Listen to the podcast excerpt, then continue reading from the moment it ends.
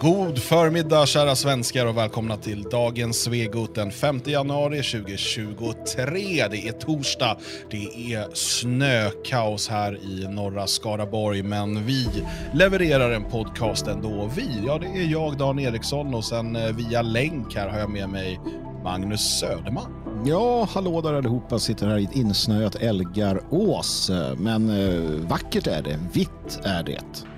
Härligt. Är det lika vitt hos dig, Allihorn? Jajamensan, det är helt underbart. Eh, hej förresten alla där ute. Ja, det är så vitt och härligt. Jag älskar det här vita. Mm. Det, det, gör man. Eh, nu ryktas det om att det ska regna från och med lördag och typ fem dagar framåt, så se till att njuta av det här. Ja, nej men det är sådär. Det är upp och ner och, och fram och tillbaka. Och ändå måste man eh, skotta. Va? Man måste skotta som en illbatting. För att eh, man, så vet man det att om någon dag eller två så kommer det regna bort. Men du måste ändå komma åt saker. Liksom. Mm. Ja, men det är lyckos den som får skotta hela dagen idag. Eh, ja. Det, det, är härligt. Um, är det skottår i år förresten? Det kan, vi måste fråga Josef, vår husherre, det är ett internt skämt som nu blir externt. Han står och skottar lite överallt för tillfället och är mycket, mycket besviken, arg, upprörd och trött på livet. Som vi har hört i då interna meddelanden som han skickar. Så vi hoppas att han eh, får höra det här och eh, tänker att eh, Ja, det, är det är inte skottår i år, det är nästa år det är skottår. Så det är lugnt. ta det lugnt Josef, du får skotta till nästa år. Ja, det blir mer. Då lovar vi att hjälpa till kanske. Ja. Eh, vi har ju ett eh, program idag framför oss där eh, vi eh, ska prata lite om den här absurda utvecklingen i Sverige som vi var inne på redan i måndags, men dels eh, gängproblematiken och de senaste händelserna där och de senaste sakerna som kanske inte har hänt. Och, eh, sen ska vi titta närmare på hur det går när eh, media och, och mm, föreningsliv och så vidare ska lyfta fram en bra invandrare som sen visar sig inte vara en bra invandrare. och så där. Men, men vi kommer dit. Jag tänker att vi ska börja med, eh, igår var det ju då eh, ytterligare en skjutning. Två personer sköts i Jordbro, den ena har avlidit, den andra vårdas fortfarande på sjukhus. Och Jordbro är då, för den som inte vet, är en förort till Stockholm ute i eh, Haninge kommun som eh, är sedan länge ett eh, liksom invandrargetto. Um, det redan liksom på, på 90-talet var det ju väldigt känt. Jordbro. Det kom väl någon film också, som ett, En pizza i Jordbro eller något sånt där. Jag växte upp ganska nära Skogås, det är väl två pendeltågstationer bort. Och de hade ett ganska bra utomhusbad i Jordbro, en sån här mm. utomhuspool. Eh, men dit åkte man inte gärna, den kallades väl för turktvätten som alla andra sådana där ställen i, i folkmun. Jag var uh, faktiskt på en fest i Jordbro en mm. gång, på 90-talet någon gång och det slutade med att den, den festen blev stormad av de lokala uh, utlänningsungdomarna. Uh, mycket intressant upplevelse. Så att jo, för tusan, det har varit problem där länge. Det är väl typ invandrarområde och industriområde. Det, det är vad Jordbro är. Ja, jag har jobbat där ute på Osrams lager. Jaha, Osram, ja. där har jag hämtat saker. Vad kul. Ja, där ligger också Coca-Cola. Svenska ja. Coca-Cola-fabriken ligger där. Och så. Eh, men eh, hur som helst, vi ska inte fastna där. Utan, jo, jag tycker vi kan ha en OC i vad vi har jobbat med där. Um, jag jobbade också svart där, så det kanske man inte kan säga. Det kanske, nu kanske polisen kommer att hämta mig. Jag hade också ett, ett fejkat truckkort. Allt det här måste vara preskriberat jag tror att det är preskriberat. Jag är det, här inte var, säker. det var typ 20 år sedan. Ja. Ja, Erkänn eh, inget mord bara. Så jag sköt en kille. Nej, men det var en annan kille där som jobbade där som sen gick och sköt någon eh, på Stureplan tror jag. Jaha, Cetreus eller? Nej, det var någon annan. Eller, ja, det var, det var någon... Men, ah, ja. men, hallå! Skit i det här nu. Nej, nu tillbaka. Uh, vi, uh, igår då, uh, runt kvart i fyra, så skjuts de här, alltså kvart i fyra på dagen, mm. skjuts de här två personerna på perrongen på pendeltågsstationen. Vi pratar alltså under rusningstrafik, precis i början av rusningstrafiken. Jag skulle säga mellan, mellan liksom 15 och 18 så är det ordentlig rusningstrafik på pendeltågen. Det är många som ska till och från stan, till och från arbete. Eh, och eh, det, är alltså under den tiden då det förmodligen är som mest människor i, i omlopp, så skjuts två personer på perrongen. Och Vi har läst om det här och vi har hört om det. Eh, inte blir någon jättestor grej, utan det är liksom, nu är det ännu en skjutning och sådär. Men vad vi inte har hört, och det här slår mig allt oftare nu, det är eh, en typ av reportage som jag tycker är vanligare i andra fall, eller har varit vanligare tidigare. Att man pratar med eh, vittnen, man pratar med människor som var på plats, som har traumatiserats. Eh, jag tänker också på den här skjutningen i Vällingby på nyårsafton. Alltså i Vällingby centrum så skjuter man in i McDonalds-restaurangen ganska tidigt på kvällen. Det kan omöjligt ha varit liksom tömd på folk och det satt bara någon liksom, gängkriminell där, utan det måste ha varit barnfamiljer och allt möjligt. Och där skjuter man ihjäl en person. Men även där har jag liksom inte sett de här reportagen om, eh, om skärrade vittnen och, och, och liksom traumatiserade människor som, har, som satt vid bordet bredvid eller vad det nu än kan vara. Det är som att i medias berättelse om de här händelserna och många liknande händelser så sker de här morden och skjutningarna i ett vakuum och påverkar inte andra människor. Det är som att man inte vill visa på den liksom normala medborgaren som också skadas indirekt utav den här typen av händelser. Utan mediaberättelsen handlar om, om de här gängkriminella som skjuter ihjäl varandra och, och sen är det inget mer med det. Jag vet inte när det började, men det är ju så. Och eh, om man tittar på det, det här skulle någon, eh, någon som är intresserad av det kunna forska i faktiskt. För någonstans börjar det här vända. Och vi ska komma ihåg det, massmedia har naturligtvis flera syften. Och ett av de syftena det är att eh, Eh, det är att vara makten betjänt eh, på olika sätt och vis. Alltså man, man, inom ramen för hur det ska vara så kan man avslöja och avsätta ministrar och så vidare. Men mellan mediehusen, makten som är och så vidare så finns det ändå någon, form av konsensustänkande som gör att man naturligtvis också eh, i någon mån eh, upprätthåller maktens eh, bild. Eller man, man, vill inte skaka båten, man vill inte vara den som och så vidare. De är ju naturligtvis medvetna om problematiken. Um, jag såg till exempel man, man skrev något idag om så här, snöskottarnas vardag där det var någon sån här, en rad var att ja, de, någon blev jagad med liksom, pistol. Uh, och Det är sånt som händer. Alltså, om massmedia gjorde sitt jobb, det vill säga rapporterade om samhället som det faktiskt ser ut, då är jag rätt säker på att den här letargin som ändå har uh, slagit ner eller slagit sina klor i eh, om vi tar medelklass Svensson som är ändå eh, den, den köpstarka och den, den grupp som kan få saker att hända. De lever i en skyddad verkstad, bland annat för att media inte gör det du säger. Det vill säga att man berättar inte sanningen om hur kände tjejerna och killarna som jobbade bakom disk McDonalds när det här händer? Det här actionbetonade. Eh, eller den här tvåbarnsmamman som står med sin eh, liksom, dotter på famnen på jordbruksstation eh, när skotten smäller. Hur tänkte första, första ambulanssjukvården på plats när det ligger någon där och blodet rinner sakta ut och livet försvinner? De sakerna pratar man inte om för att det vill man inte. Det har gått för långt. För 10-15 år sedan så kunde man rapportera lite eh, snaskigt om sånt här, men nu är det så pass illa. Det är så jävla illa. Alltså vi förstår inte hur illa det är i vår lilla, eh, lilla del av, av, eh, av liksom tillvaron eh, eftersom att vi inte får veta det från de här. Det är min sådär spontana tanke. Mm, jag, har, eh, jag har två tankar här. Och det första är att eh, Alltså det kan ju inte vara lätt att vara reporter i de här fallen, för alla vet ju att eh, eh, om du ska göra ett sånt här reportage, då vill du ha närvaro. Ju starkare närvaro, desto bättre journalistik. Eh, så är det ju alltid. Och närvaro är just att rapportera vad som hände på platsen, eh, intervjua de som var där, visa bilderna och så vidare. Ju, ju, ju närmare själva händelsen du är, desto bättre reportage blir det. Så är det ju bara med journalistiken. Och det andra är ju eh, effekten som du var inne där, Magnus, med dina blodiga bilder och så vidare. Ni kanske minns den här eh, lilla pojken eh, som de eh, det var väl en arrangerad bild som jag förstått det av en liten pojke som hade dött eh, när han hade försökt ta sig med familjen med båt till Europa. Just det, Alan i, i, i Grekland, man drog upp, eh, man drog upp pojkliket och la, la det till rätta på stranden så att det skulle se Precis, för att de ut. ville ha närvarobilden för att ja. det kunde ge den totala effekten. Men nu saknas de bilderna. Undrar varför.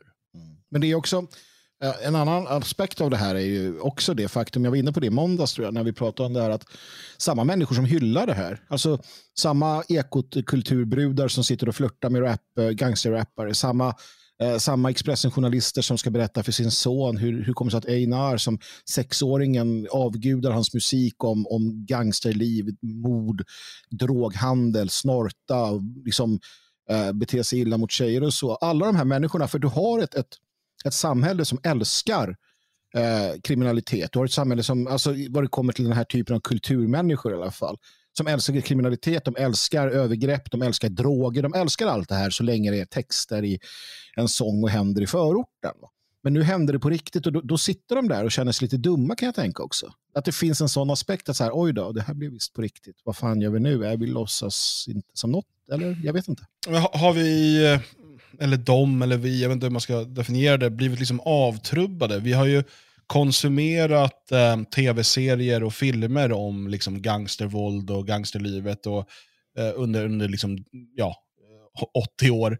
Eh, men, men framförallt kanske de senaste 20 åren har det kommit ett perspektiv eh, där man ska liksom problematisera, där man eh, ska eh, ha antihjältar och så vidare. Man ska se det ifrån den, den liksom kriminelles perspektiv och sådär. Mm. Det finns ju massa sådana exempel. Eh, och människor eh, tycker de här serierna är, är jättespännande. Sen har vi en hel eh, liksom, eh, genre i, eh, Eh, i, i, litteraturen. Vi har ju han Lapidus böcker, eh, Snabba Cash, som sen har blivit tv-serier och film och sådär också, eh, som är väldigt populära. Och att man har, man har konsumerat det här och tycker om det och eh, sen fortsätter man konsumera eh, liksom gängkriminaliteten eh, lite grann på samma sätt. Bara att skillnaden är att nu sker det i verkligheten, men det sker inte riktigt i, i din verklighet. Det sker ju liksom i, oftast ute i förorten, nu kryper det väl närmare, men att man då eh, tycker att det är lite intressant att lyssna på den här musiken och spännande och farligt och eh, liksom läsa Flashback-trådar som, som eh, går in på djupet om vem som är i konflikt med vem och vem som har legat med vems flickvän och allt vad det nu är. Um, och så sitter man där och är en konsument och så har man svårt uh, på ett liksom närmast undermedvetet plan att skilja det från, uh, från tv-serierna och böckerna och filmerna. Ja, men det finns ingen, det finns ingen, ingen stringens. Saken är den, och nu ska jag börja klättra upp på det här berget, för nu jävlar. Så här. De generation, när, jag var, när jag var yngre, liten, så tittade jag, jag tittade om en film. Jag tittade om på en film som hette och den hade död... tusen med ingen färg. Dödligt vapen, Lethal Weapon, Mel Gibson, Danny Glover. Två hårdkokta snutar. De var goda. Kriminella var kriminella. Det var pack. Jävla knarklangande svin. Avskum. Skjut dem, släng ut dem från fönstren, misshandla dem. Det gör det som behövs för att hålla liksom, allmänheten trygg och säker. Samma Miami Vice, alla de här serierna.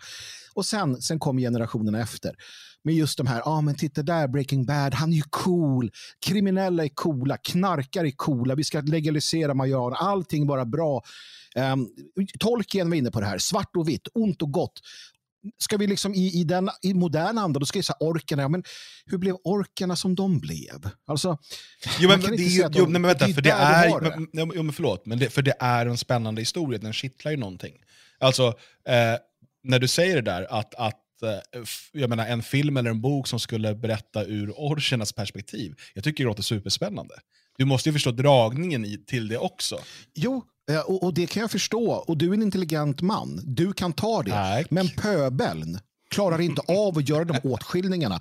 Jag, jag, är så trött på att vi ska liksom tassa på tå kring det här. De flesta är så jävla dumma att de behöver matas med enkel underhållning populasen. Men jag tror inte, nej, men jag tror, att du, jag tror inte det handlar om att de är dumma. Jag tror att jag, det jag tror är mer inne på här, det är någon typ av avtrubbning där vi inte förstår, alltså undermedvetet inte riktigt klarar av att särskilja på fiktion och verklighet. Utan man fortsätter konsumera, man konsumerar gangsterrappen som man eh, liksom, eh, konsumerar Breaking Bad. Alltså hjärnan processar det på samma sätt och det blir spännande och intressant mm. och så vidare. Um, så jag, jag, jag, tror att det, jag, tror snarare det där. Jag, jag, tror inte att människor som jobbar på eh, kulturredaktionerna eller sådär, att de nödvändigtvis är dumma, alltså korkade. Det tror jag. Nej, men eh, Michael, du är ju litteraturen i, i, i gänget här och mm. kultur, du är den sanna kulturarbetaren. Uh, väg in på detta. Ja, det är besvärligt. Jag tror, eh, undrar hur avtrubbade folk är från att ha sett gangsterfilmer och så vidare, där även då eh, skurken målas upp som en intressant person. Eh, eller i alla de, jag menar, det går tillbaka till 70-talet åtminstone, ja, ända till 40-talet då, då eh, i Hollywoodfilmer då hjälten, han är liksom lite halv bad guy och eh, problematisk, eller ta 70-talet svenska deckare, eh, att polisen, eh, han är lite, han, han klarar inte livet helt, var lite besvärligt, han var likadant utomlands faktiskt. Eh, så de där nyanserna har funnits egentligen i litteraturen länge. Eh, och jag undrar hur avtrubbade folk är. Möjligtvis att de har svårt att skilja på verklighet och, eh, och liksom mediefiktion. Men jag berörs mest över liksom reaktionen hos folk. Hur kan de reagera så starkt på den här lilla treåringen? Och hur kan de reagera så svagt när det sprängs hos grannen? Mm. Det är någonting som är konstigt här. Och antingen beror det på att folk har, då, lite som du säger Dan, tappat greppet om verkligheten. Eller så beror det på helt enkelt den massiva propagandan och hur den fungerar. Det som vi började med här. Hur kommer det sig att journalisten inte gör ett bättre jobb när det gäller det här? Varför tar de inte det som betyder mest på störst allvar? Varför tar de det som betyder, som vi skulle kunna kalla minst, den här treåringen? För det betyder väldigt lite för vår vardag här hemma hemma. Varför tar de det på högst verklighet? Eh, där, jag tror faktiskt problemen ligger där. Dels på hur media har fungerat under en längre tid och dels lite på människors förmåga att eh, liksom reagera och förstå vad som är det viktiga omkring dem. Jag, jag vill inte släppa populärkulturen riktigt ännu. Jag vill att vi pratar mer om det Michael säger. Men, eh, men det jag tänker på är ändå för att liksom avsluta den. Jag är, jag är ganska överens eh, om att jag tror inte att filmer spelar så stor roll. Däremot eh, så vill jag ta ett nappatag med gangsterrappen för att det finns mm. det, är en, det är en markant skillnad i, i kultur. Eh, alltså hur du tillka, tillskansar dig den, den alltså hur du, hur du konsumerar. Mm. Uh, och skillnaden är ju den att om du lyssnar och jag ser ju hur människor lyssnar på musik idag. Man, man fyller ju öronen, man fyller det här tomrummet i själen med ljud från morgon till kväll. Mm. Att ha tystnad i sitt liv, det, det, är ingen som klarar av det längre verkar det som. Uh, om du fyller det här konstant med gangsterrap, eller annan musik för den delen, alltså du blir lite grann vad du äter och vad du lyssnar på. Och den här gangsterrappen, den syftar ju inte till att, att liksom avskräcka någonstans, utan den, den beskriver skjutningar och sådär, men den beskriver också pengar. Alltså det, det är ju den, den lyckade gangsterns, äh, i många fall lyckade gangsterns äh, äh, musik. Mm. det går ju kanske, på, hundra gangsters så är det en som lyckas, resten är det bara elände för, men man sjunger om den här liksom lyckade. Då. Och att om du konsumerar det konstant, ja, då kommer du att, att liksom påverkas av det. Men du kan inte sitta och titta på Breaking Bad hela tiden eh, medan du gör annat. Alltså det, det funkar, därför så påverkar inte det lika mycket. Eh, så därför tror jag att gangsterrappen i sammanhanget har en jättestor en, en, en, alltså jag tror att den har en jättestor påverkan på det vi ser um, i Sverige uh, idag. Det är ja, men sen, musik är ju identitetsskapande, det, det mm. vet väl vi alla från vår ungdom. Ehm, alltså hur viktigt det var för att forma många människors identitet. Och även för, för min egen. Och, jag menar, åt Sveriges 80-tal med syntare och hårdrockare mm. och sen alla subkulturer med, med skinnhuvuden och punkare. Och, ja, allt det där är ju tätt sammankopplat med musiken. Och det här, på det sättet är det här ingen skillnad, alltså att den här musiken också är identitetsskapande. Frågan är vilken identitet den skapar. Eh, och eh, dessutom då så har ju den under lång tid lyfts fram eh, utav tvångsfinansierad statlig media, utav eh, kultursidor, utav nöjesbranschen i stort, utav festarrangörer. Man, liksom allt ifrån att man, att man prisar de här, eh, gangster, de här gangstrarna till att eh, Greta Thunberg står och tar foto tillsammans med One Cuss, en av de här, han som fick sitt hem sprängt här, eller sin port sprängt Mm. häromdagen. Mm. Eh, och, och liksom för, för att de ska läxa upp svenskarna att nu jäklar ska ni ta den här mRNA-sprutan och vara lika goda som vi är.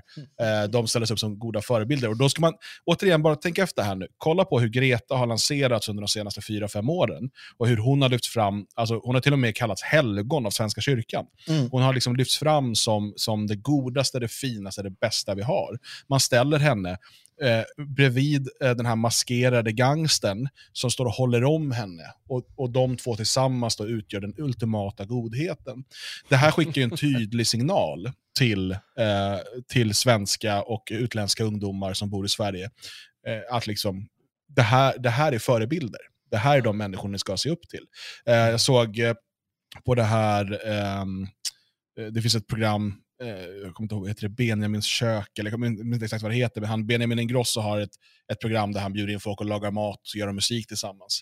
Eh, och det är väldigt så här, du vet, um, mysig stämning och eh, feel good program Eh, och där var också den här OneCast, han kom med sin, han var maskerad och du vet, han var "Hej, brorsan, eh, ska laga mat, eh, skjuta, skjuta. Eh, ja.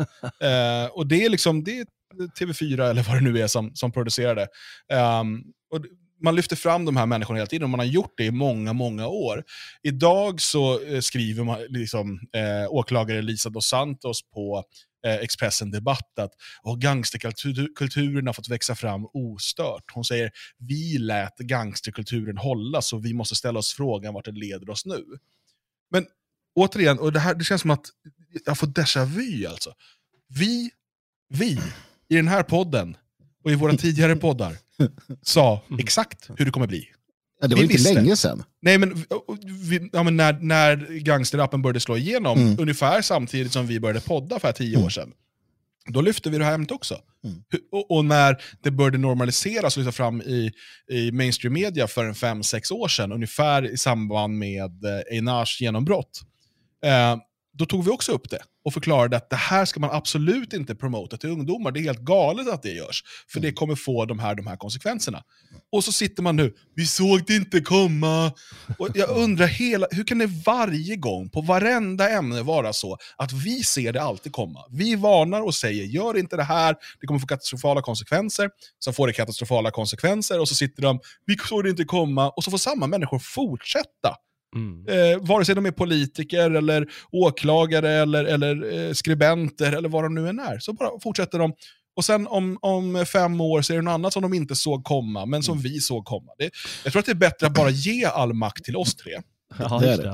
så löser vi det här. Jag- Jag, tänker- jag tycker att verklighetsbilden här, det, det är ett, ett stort problem. För det är faktiskt inte bara journalisterna som, som har dragit med det här, vi såg det inte komma. För det första, det är inte alls så att de inte såg det komma, utan de sket i det. Det var det som var grejen. De struntade i det, de visste, de förstod nog någonstans vart det här kan leda, men de sket i det. Och samma sak har ju faktiskt människor gjort, vanliga människor på gatan och så. De har ju också struntat i det. De har, de har liksom slagit ifrån sig problemet med eh, gangsterrappen eller gängvåld eller massinvandring eller, eller eh, överjävlighet från staten. De, de liksom slår ifrån sig alla de här problemen. Av gud vet var, vad för skäl. Och sen så se, står de plötsligt där och undrar med, med, med, med skit i brallan och vad är det som händer? Men alltså, nu så måste vi bara klargöra en sak här. Och, och du har helt rätt Jalle, så här. De visste precis vartåt det barkade hän med sin egen liksom, logik. För att jag minns mitt 90-tal och jag minns mitt 2000-tal. Ändlösa dokumentärer, ändlösa eh, opinionstexter om vit maktmusiken. Hur den formge, formgav en generation. Vi var tvungna att tysta Ultima Thule för att den skapade en nationalistisk renässans etc. etc. Expo idag skriver ofta om vit maktmusik. Den måste hindras, den måste stoppas för att den skapar vit maktanhängare. Och de har helt rätt i det. Musiken skapar politiska individer. Musiken motiverar, musiken utbildar, musiken väcker känslor och tankar. Musiken får dig att gå ut och, och, och göra saker. Man laddar med musik, man, man kopplar av musik. Absolut. De visste precis att gör vi det här så kommer det bli så här. Och som hon skriver, vi lät gangsterkulturen, och det här är det viktiga, det här är det viktiga, vi lät gangsterkulturen hållas. Och vi måste ställa oss frågan vad det leder oss nu. En annan fråga vi måste ställa oss, och den ställer vi oss efter att konstatera detta maxim. Ostraffad ondska är fortsatt ondska. De måste straffas. Hon måste straffas. Alla de som Um, såg till att, att flöda P, eh, alltså programkanalerna, radiokanalerna med gangsterrap. Alla de som släppte fram staksätt som uppmuntrade till misshandel av Jimmy Åkesson och andra på scen. Alla de som under åren har gjort detta måste straffas. Och det är här skillnaden är. Om vi inte straffar dem, då kommer det fortsätta. För ostraffad ondska är fortsatt ondska.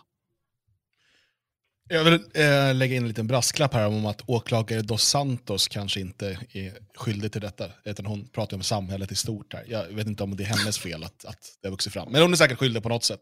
Hon jobbar ju ändå för staten. Hon är definitivt alla. De har skuld allihopa. ja. um, Nej, och, och äh, det är så absurt att man låter det hålla på. Jag menar, nu har man ju då, okej, okay, Petri Guld ska inte längre dela ut eh, rappriser eller vad det nu är. Uh, och ja, Det är ju bara, uh, bara patetiskt. Men, men uh, och jag, jag, tror att den här gangsterrap-grejen i, i mainstream media, det är på väg att falla bort. Mm. Um, för att det håller inte längre. Men man har förstört en generation och det är man väl glad över det. Liksom. Eh, och, men, men, jag vill komma tillbaka till det här första vi talade om.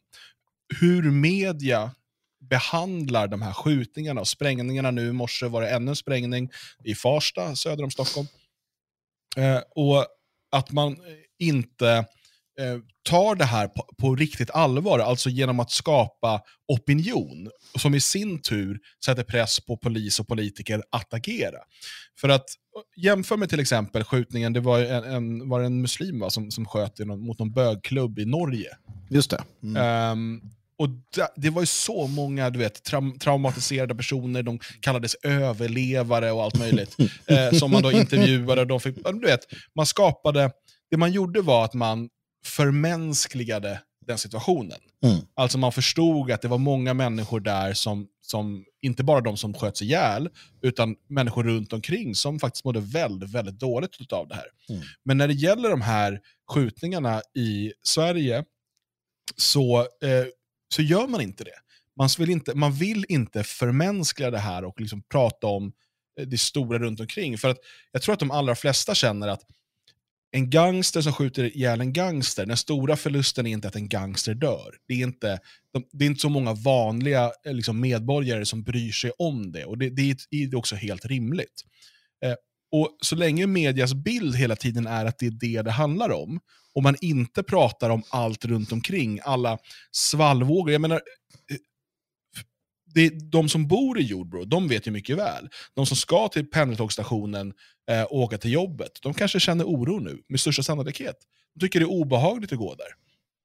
Eh, och, och, vem kan känna sig trygg i, en, i sin trappuppgång? Vem, eh, hur många sitter nu och tittar på, på eh, de här eh, Lexbase och liknande och kollar, bor det någon kriminell i min trappuppgång? Eh, är, är det farligt här? Eh, jag vet eh, liksom vänner och bekanta i Stockholmsområdet som, som är oroliga och just nu så kanske man inte ska låta barnen vara ute och sådär. Ja, men med liksom, all rätt. ja, men, jo, jo, men, och det är det här som media inte pratar om. Och mm. Hade media gjort det och på allvar lyft den här faran och den här, den här oron och, och de, liksom de här människorna runt omkring som blir traumatiserade av att behöva uppleva det här, så hade det i sin tur kunnat sätta press på politiker och polis att faktiskt agera. För att än så länge agerar man inte. Eh, det är mycket, självklart man sitter och samlar in underrättelser och bla bla bla. Men hur kan det komma sig att när vi har den här pågående våldsspiralen, hur kan det komma sig att man inte punktmarkerar varenda jävla eh, känd gängkriminells bostad? Jo, eh, jag tror, jag tror svaret är, och det här är någonting vi, vi ofta glömmer, och det är för att man eh, som människa så är vi duktiga på att måla upp våra motståndare som särdeles kompetenta och, och eh, liksom allomfattande, Illuminati styr världen och så vidare. Och så vidare. Och det är liksom en, en massiv... Polisen är inkompetent. Okay? Den är en hbtq-certifierad inkompetent eh, organisation med liksom horkarar och eh, eh, liksom liknande i toppen eh, som spiller över på, på högsta arméledningen där ÖB är någon kack, eller om det var den andra, någon var kack i, i sammanhanget i alla fall. Och sen har du en, en, en, den här bruttan där som liksom eh, förstod att använda sina vapen väl. Men, men det är därför. Det är för att det är det du har att jobba med. Du har en sån jävla inkompetent polis. Sen finns det kompetenta poliser, men på ledningsnivå, chefsnivå. Uh, jag menar, du, du, har ju haft Dan Eliasson som, som chef i hela, hela snutkåren. Alltså, det är för att de är, de är dåliga. Eh, och det finns enskilda bra, det finns eh, kompetens, men i ledning och i liknande så, så, har man inte koll helt, helt klart. Alltså det är det. Och, och det, det är lite intressant i det att, att vi som, eh, eller alla, alla vi som på sikt oroar oss för liksom den här järnhälen och polisstaten, den kommer vara brutal, den kommer vara jobbig, men den kommer vara ganska korkad. Alltså, man måste förstå det. Det är inte, det är inte liksom FBI från 40-50-talet med liksom eh, den, den, eller för den delen svensk kriminalpolis ah, tidigare när du hade en liksom kompetent, välutbildad eh, styrka, utan det är något helt annat. Och därför har du det här. Det är därför det kan pågå. Och, och det, det är värt att komma ihåg. Och det är ju naturligtvis en, eh, det, det är både en välsignelse och en förbannelse.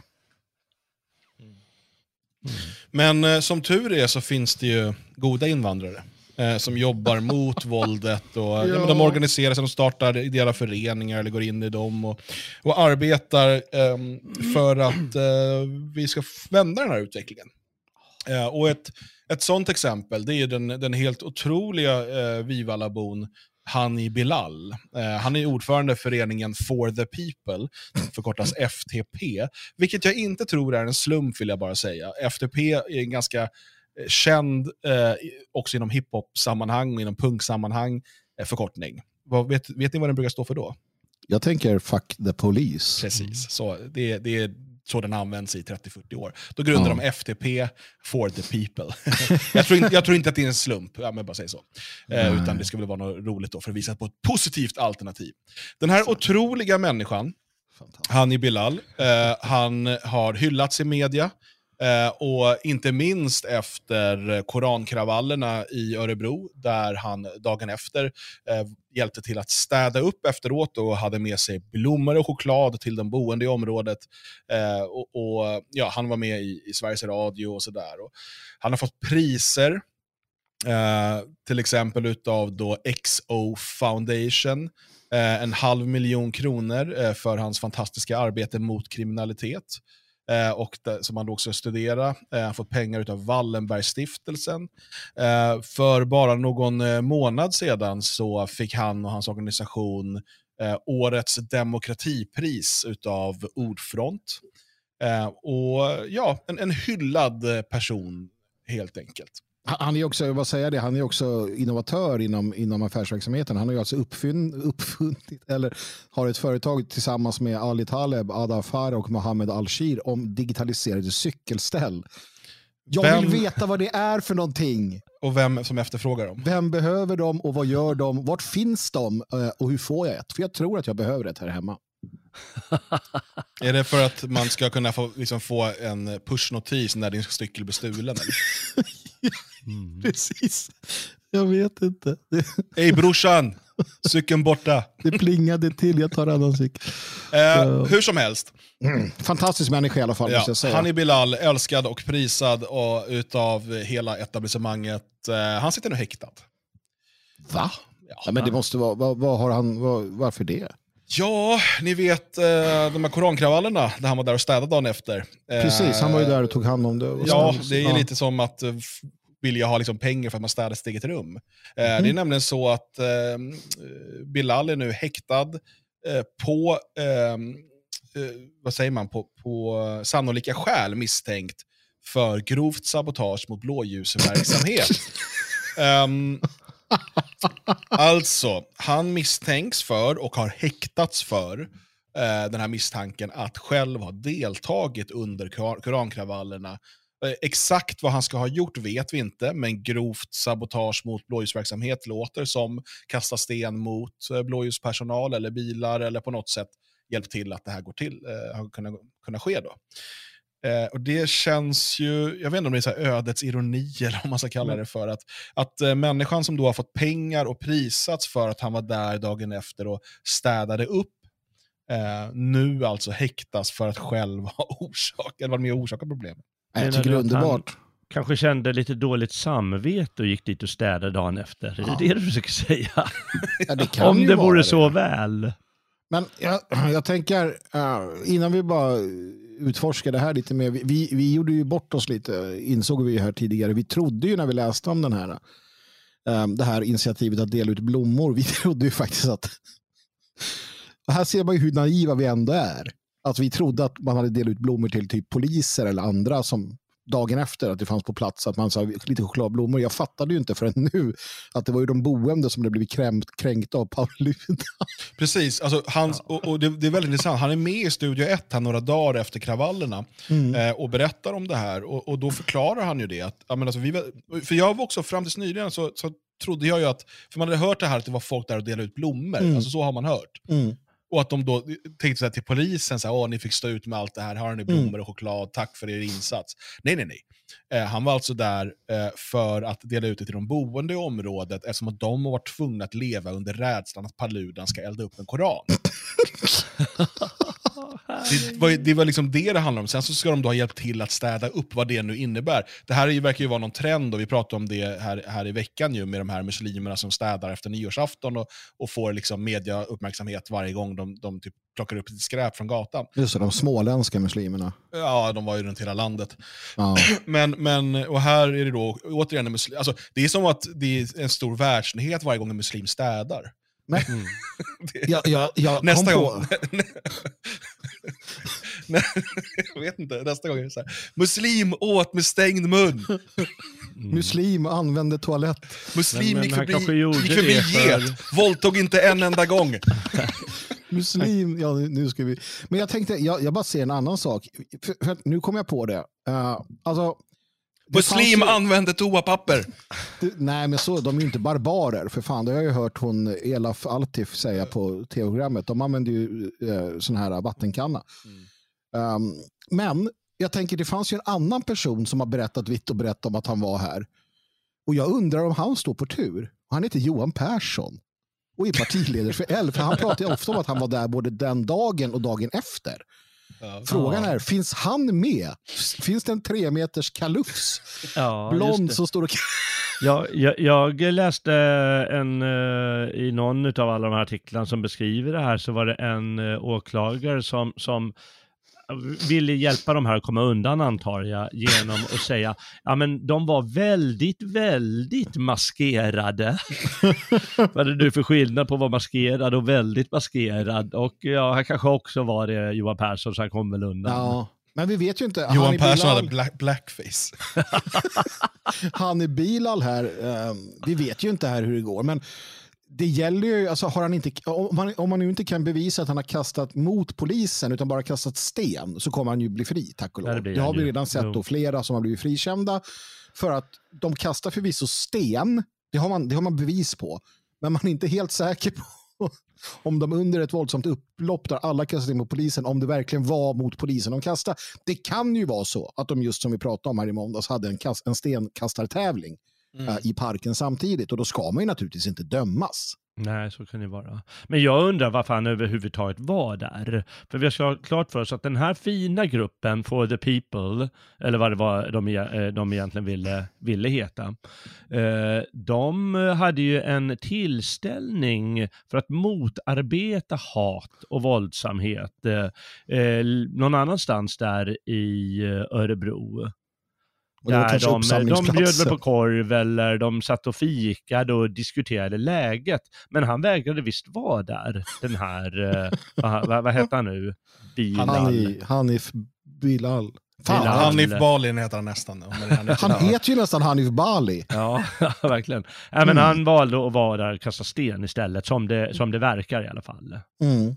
Mm. Ja, som sagt, det vet vi ju inte. Han kanske var där för att... Ja, nej men jag undrar, eller jag undrar inte, men man, man måste ju fråga sig, en rätt journalist ställer ju den frågan, du skulle ju varit där och druckit, druckit kaffe, varför var du och verkar som kasta sten istället? Eh, Men- vad, vad är det som händer? Vill du vara våldsam? Vill du vara kriminell för att kunna eh, liksom vara lite närmare det här projektet du håller på med som studerar hur man kommer in i kriminaliteten? Är det för att bli expert på det som man gör det. Men har ni förstått, för att vi pratade om det här tidigare dagen, du, du frågade dig uh, hur, hur kommer det sig att man inte agerar mot gängkriminella och liknande. Och, och, när, man, när man läser på och funderar lite kring uh, Örebro, uh, påskupploppen här, så är det ju väldigt tydligt också att polisen på plats, den är kompetent. De är utbildade. De, och det, är ingen, det är ingen dålig... Alltså, de poliser i Sverige, som insatspoliserna som lär sig, det är ingen dålig utbildning. De kan ju det här. Uh, men det som är väldigt tydligt är ju att den kvinnliga insatsledaren och hela polisledningen är fullständigt inkompetent i frågan. Alltså fullständigt. De får ju order att agera på ett sätt som är sinnessjukt, som utsätter dem för enorm fara. Ehm, att liksom retirera vid vissa till, tidpunkter. Liknande. Det sitter ju någon, jag tror det, det är någon, något fruntimmer som sitter i någon ledningscentral någonstans och vet ju inte vad hon gör. Hon, hon har ingen aning om vad hon gör. Uh, och andra då också som är politiskt tillsatta, poliser som har ägnat mer åt uh, att lära sig om, om könsdiskriminering än någonting annat, en taktik vid, vid den här typen av insatser. Så att polisen på gatan här är fullständigt utlämnad. Det är därför de blir överkörda, det är därför de, det är därför de lämnar fordon. De vet ju inte hur de ska göra, för att det är egentligen inget problem för svensk polis att hantera det som uppstod här. Om de hade haft rätt ledning eh, och, och, och, fått order på rätt sätt. Va? Men det är ju där det havererar. Och Det här kommer vi få se mer av. För att det spelar ingen roll hur duktig du är eh, som grupp om du fortfarande lyder order från inkompetent och där snutar. Fortsätter ni lyda era eh, befälsorder så kommer det gå till helvete för er. Eh, och Det kan vara värt att tänka på också i sammanhanget och inte få någon, någon tack för den hjälpen, det kan jag lugnt säga. Mm. Jag vill, lite... jag vill bara säga grattis till Hanni Belal. Han blev också årets unga förebild. Eh, han fick då Anders Karlbergs minnespris. Mm.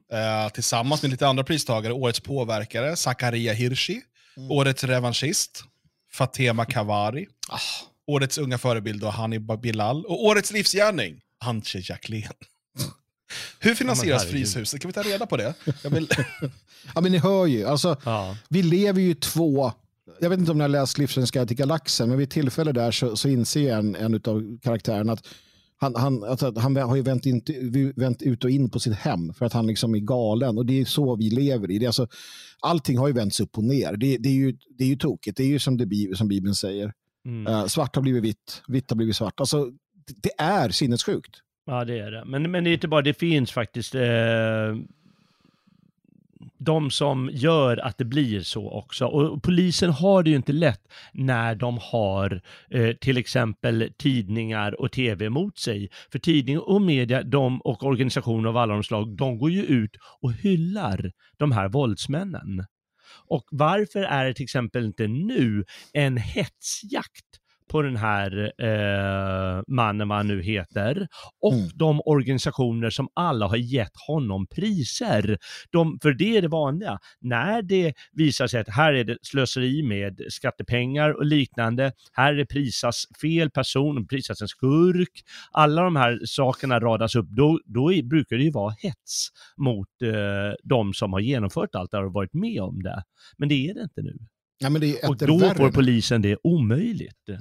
Ja, men det är etter värre. För att de, för 10-15 år sedan hade jag köpt det du säger rakt av. För då, då var det ändå en helt annan typ av polis eh, som hade ett mm. enormt problem mm. med just media. Och det minns jag när man pratade med dem, när vi satt, Dan vet också, när vi satt i ändlösa möten.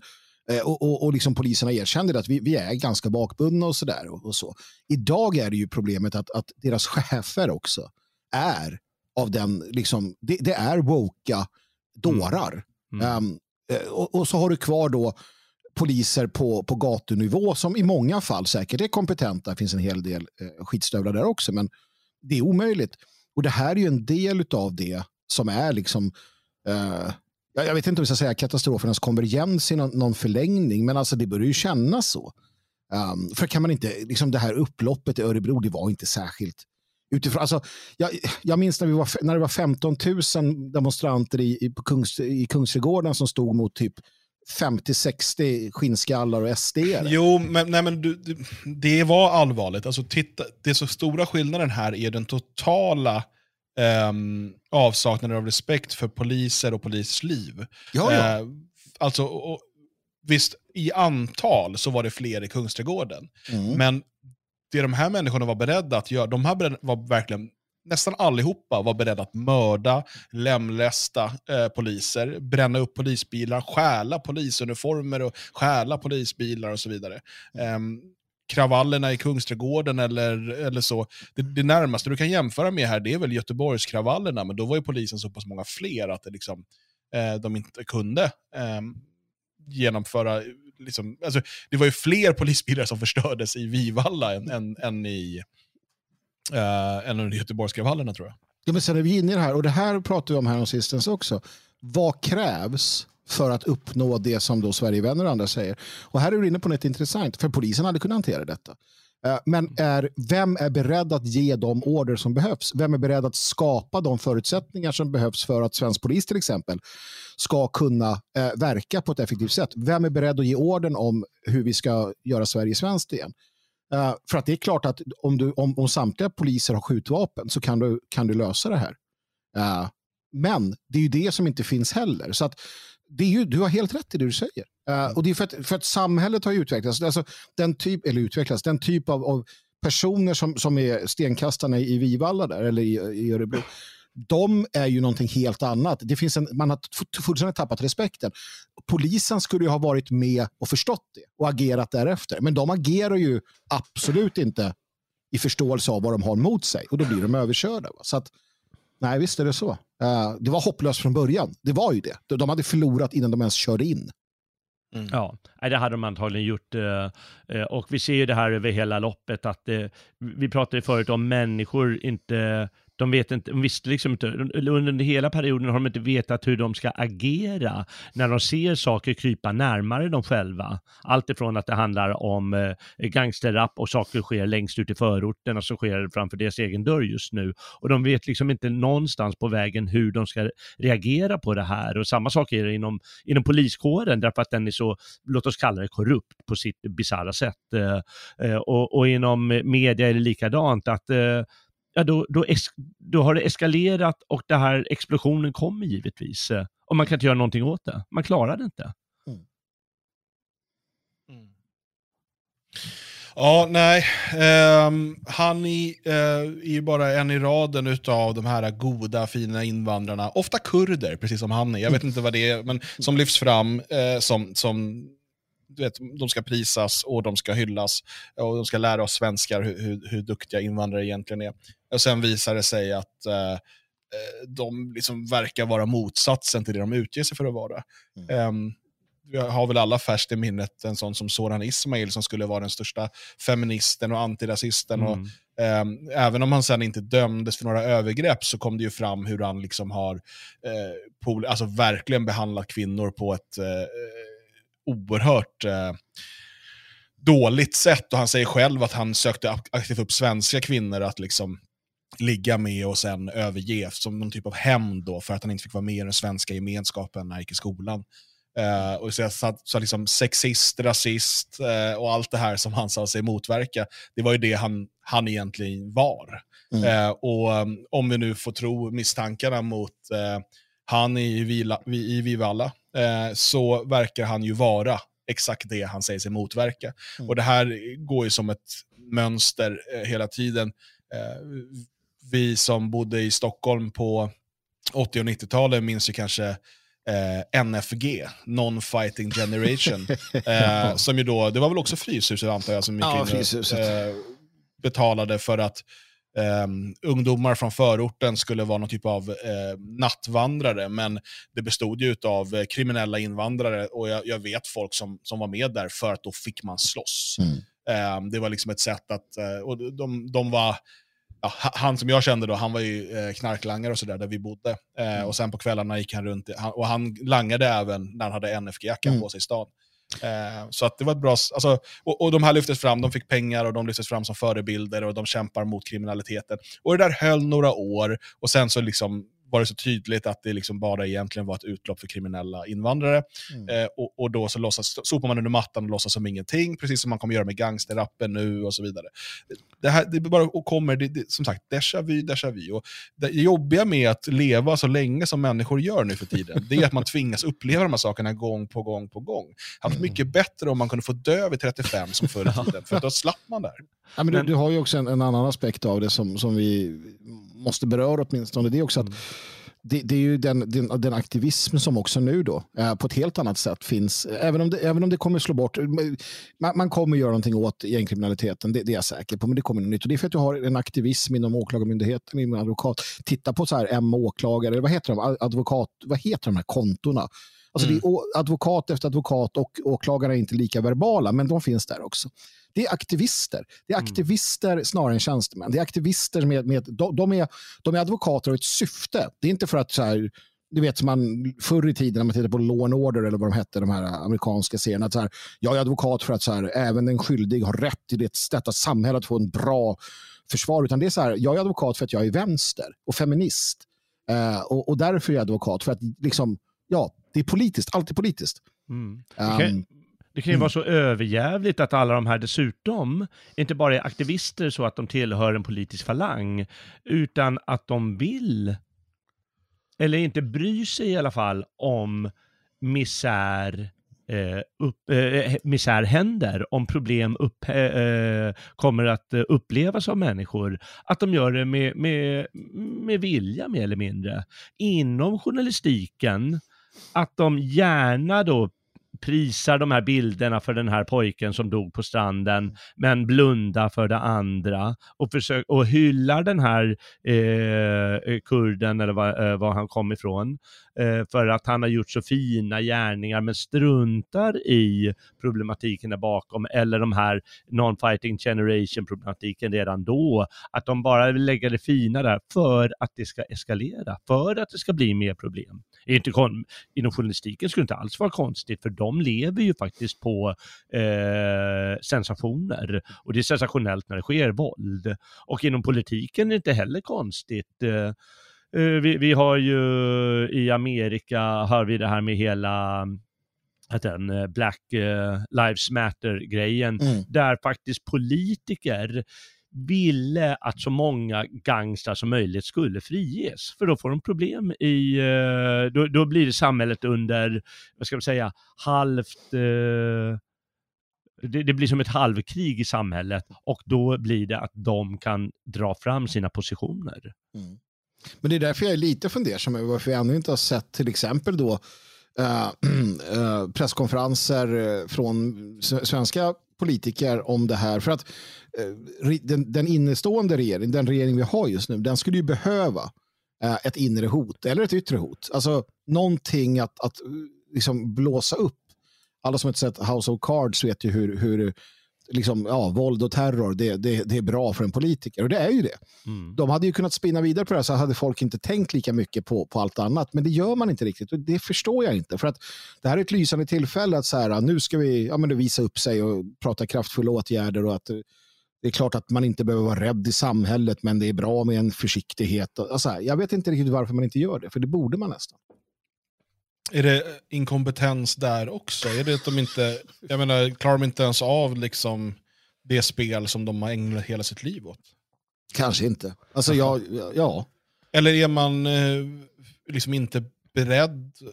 Är, man så rädd för en medial backlash att man inte vågar eh, ta, alltså, slå till ordentligt? För det är det som behövs. Håll, alltså, förklara att eh, nu är det nolltolerans. Vi mm. kommer mm. eh, sätta in eh, tusen extra poliser i Stockholmsområdet och vi kommer punktmarkera varenda eh, gängkriminell. Vi kommer, du vet, du vet när, eh, om det sker något sånt här, vet man vilket gäng det är som bör ligga bakom. Åk och grip varenda jävel av dem. Håll dem tre dagar eh, i mm. häktet. Mm. det får man göra utan att väcka åtal. Mm. Jag, tror, jag tror att du, att du har rätt. De är för svaga och för rädda. Mm. Och fy skam säger jag på, på alla moderater och kristdemokrater och, och liberaler till och med. Eh, och även SD-are som inte tar det här tillfället i akt bara för att ni är för fega och värdelösa. Mm. Ja, det blir bra slutord, Jalle. Uh, imorgon så är det ju 13, uh, 13 dag jul, heter det va? Idag är det 13 dags afton blir det va? Mm, stämmer bra det. Så vi håller alltid på med afton dagen innan den riktiga. Mm. Eh, hur ska ni fira? Uh, nej men traditionellt. jag vet inte vad man gör den dagen. Va? Nej. Det är 13-dagen. Ja. Det är, uppe, det är dagen för uppenbarelsen av Jesus som Guds son. Jo, jo, du tänker utifrån det perspektivet. Ja. Ja, ja, nej, men, Ska väl i kyrka imorgon? ja fast det, det stämmer inte. Jag är sådär konträr, det stämmer inte med datumen. Så att, Okej, det blir ingen kyrka imorgon. Vi poddar imorgon också, eller hur? gör vi. Ja, Det gör vi. Eh, bra. Okej då. Den, viktiga, den riktiga kyrkan. Det är ett heligt arbete. Gud eh, håller med oss. Gud är med oss och Gud är med er, kära lyssnare. Eh, vi kör imorgon också. Från och med nästa vecka är vi tillbaka med eh, livesändningar som vi kör på tisdagskvällen. Och eh, sen om du vill ha tillgång till alla de här dagliga poddarna som nu ligger öppet den här veckan, eh, vill du ha tillgång till alla dagliga poddar framöver, ja då behöver du bli stödprenumerant på svegot.se support. Om du är nyfiken på hur Sverige kommer att utvecklas de kommande hundra åren, ja, då kan jag berätta det för dig. Eh, och Det kommer jag göra i ett eh, digitalt föredrag som jag håller den 21 januari. Eh, och Det är gratis att delta. All information finns på detfriasverige.se.